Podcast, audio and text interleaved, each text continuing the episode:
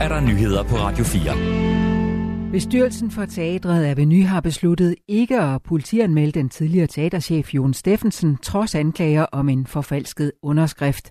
Det oplyser kommunikationsansvarlig Benjamin Rud Elbert på vegne af en samlet bestyrelse. Vi har efter rådgivning fra to uvildige advokater for ikke at komplicere hele sagsforløbet mellem teatret og Jon Steffensen valgt ikke at politianmelde, lyder det.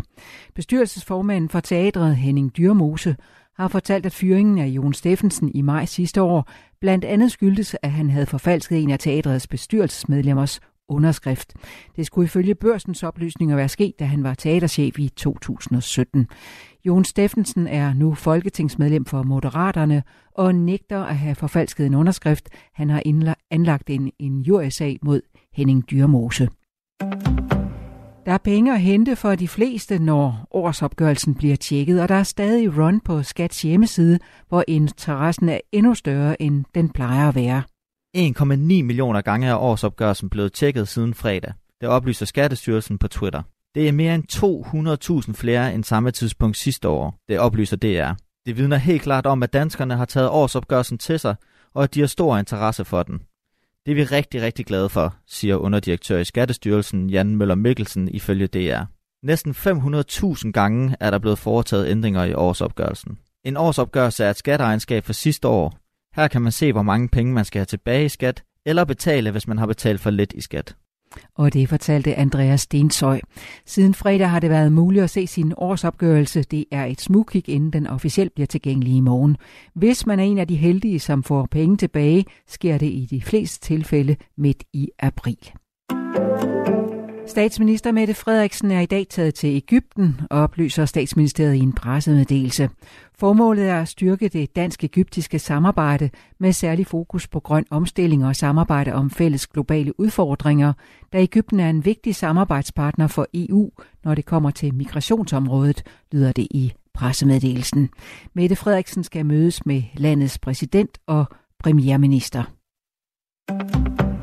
Flere end 100 personer er anholdt i Iran, angiveligt for at have været involveret i en lang række giftangreb mod skolepiger i landet, oplyser det iranske indrigsministerium.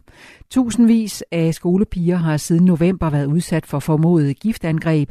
De besvimede har haft kvalme, åndedrætsbesvær og andre symptomer. Angrebene menes at være foregået på over 200 skoler, og motivet skal blandt andet være at få lukket pigeskolerne.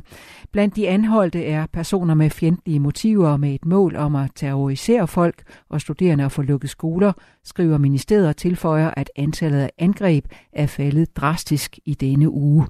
Irans øverste leder, Ayatollah Ali Khamenei, har kaldt de formodede giftangreb for en utilgivelig forbrydelse. De begyndte et par måneder efter de voldsomme demonstrationer i Iran, der blev udløst af en 22-årig kvindes død. Folkekirkens Nødhjælp har landsindsamling i dag, hvor omkring 10.000 hjælper med at stemme dørklokker. Og på trods af stigende energipriser, dyre madvarer og inflation, giver folk gerne penge. Vi oplever, at danskerne gerne vil give til vores arbejde ude i verden. Der har faktisk ikke været fald i vores øh, indsamlinger. Det var der heller ikke under krisen i 2008, så vi oplever, at danskerne gerne vil være med til at hjælpe de mennesker, der har det allersværest siger Birgitte Kvist Sørensen, der er generalsekretær i Folkekirkens Nødhjælp til DR. Sidste år samlede Folkekirkens Nødhjælp 18 millioner kroner ind, og organisationen håber at samle lige så mange penge ind i år. Pengene går til krigen i Ukraine, jordskælvsoffrene i Syrien og sultramte på Afrikas horn. Siden i går har kunderne hos Jyske Bank, Sparkassen Sjælland Fyn, Sydbank, men også Nordjyske Bank haft tekniske problemer med at komme på netbank og mobilbank og at bruge betalingskort. Men det skulle være slut nu, oplyser bankerne på deres hjemmesider. Ifølge Sparkassen Sjælland Fyn var der tale om en teknisk fejl. Ingen af bankerne oplyser dog, hvad de tekniske fejl bestod af.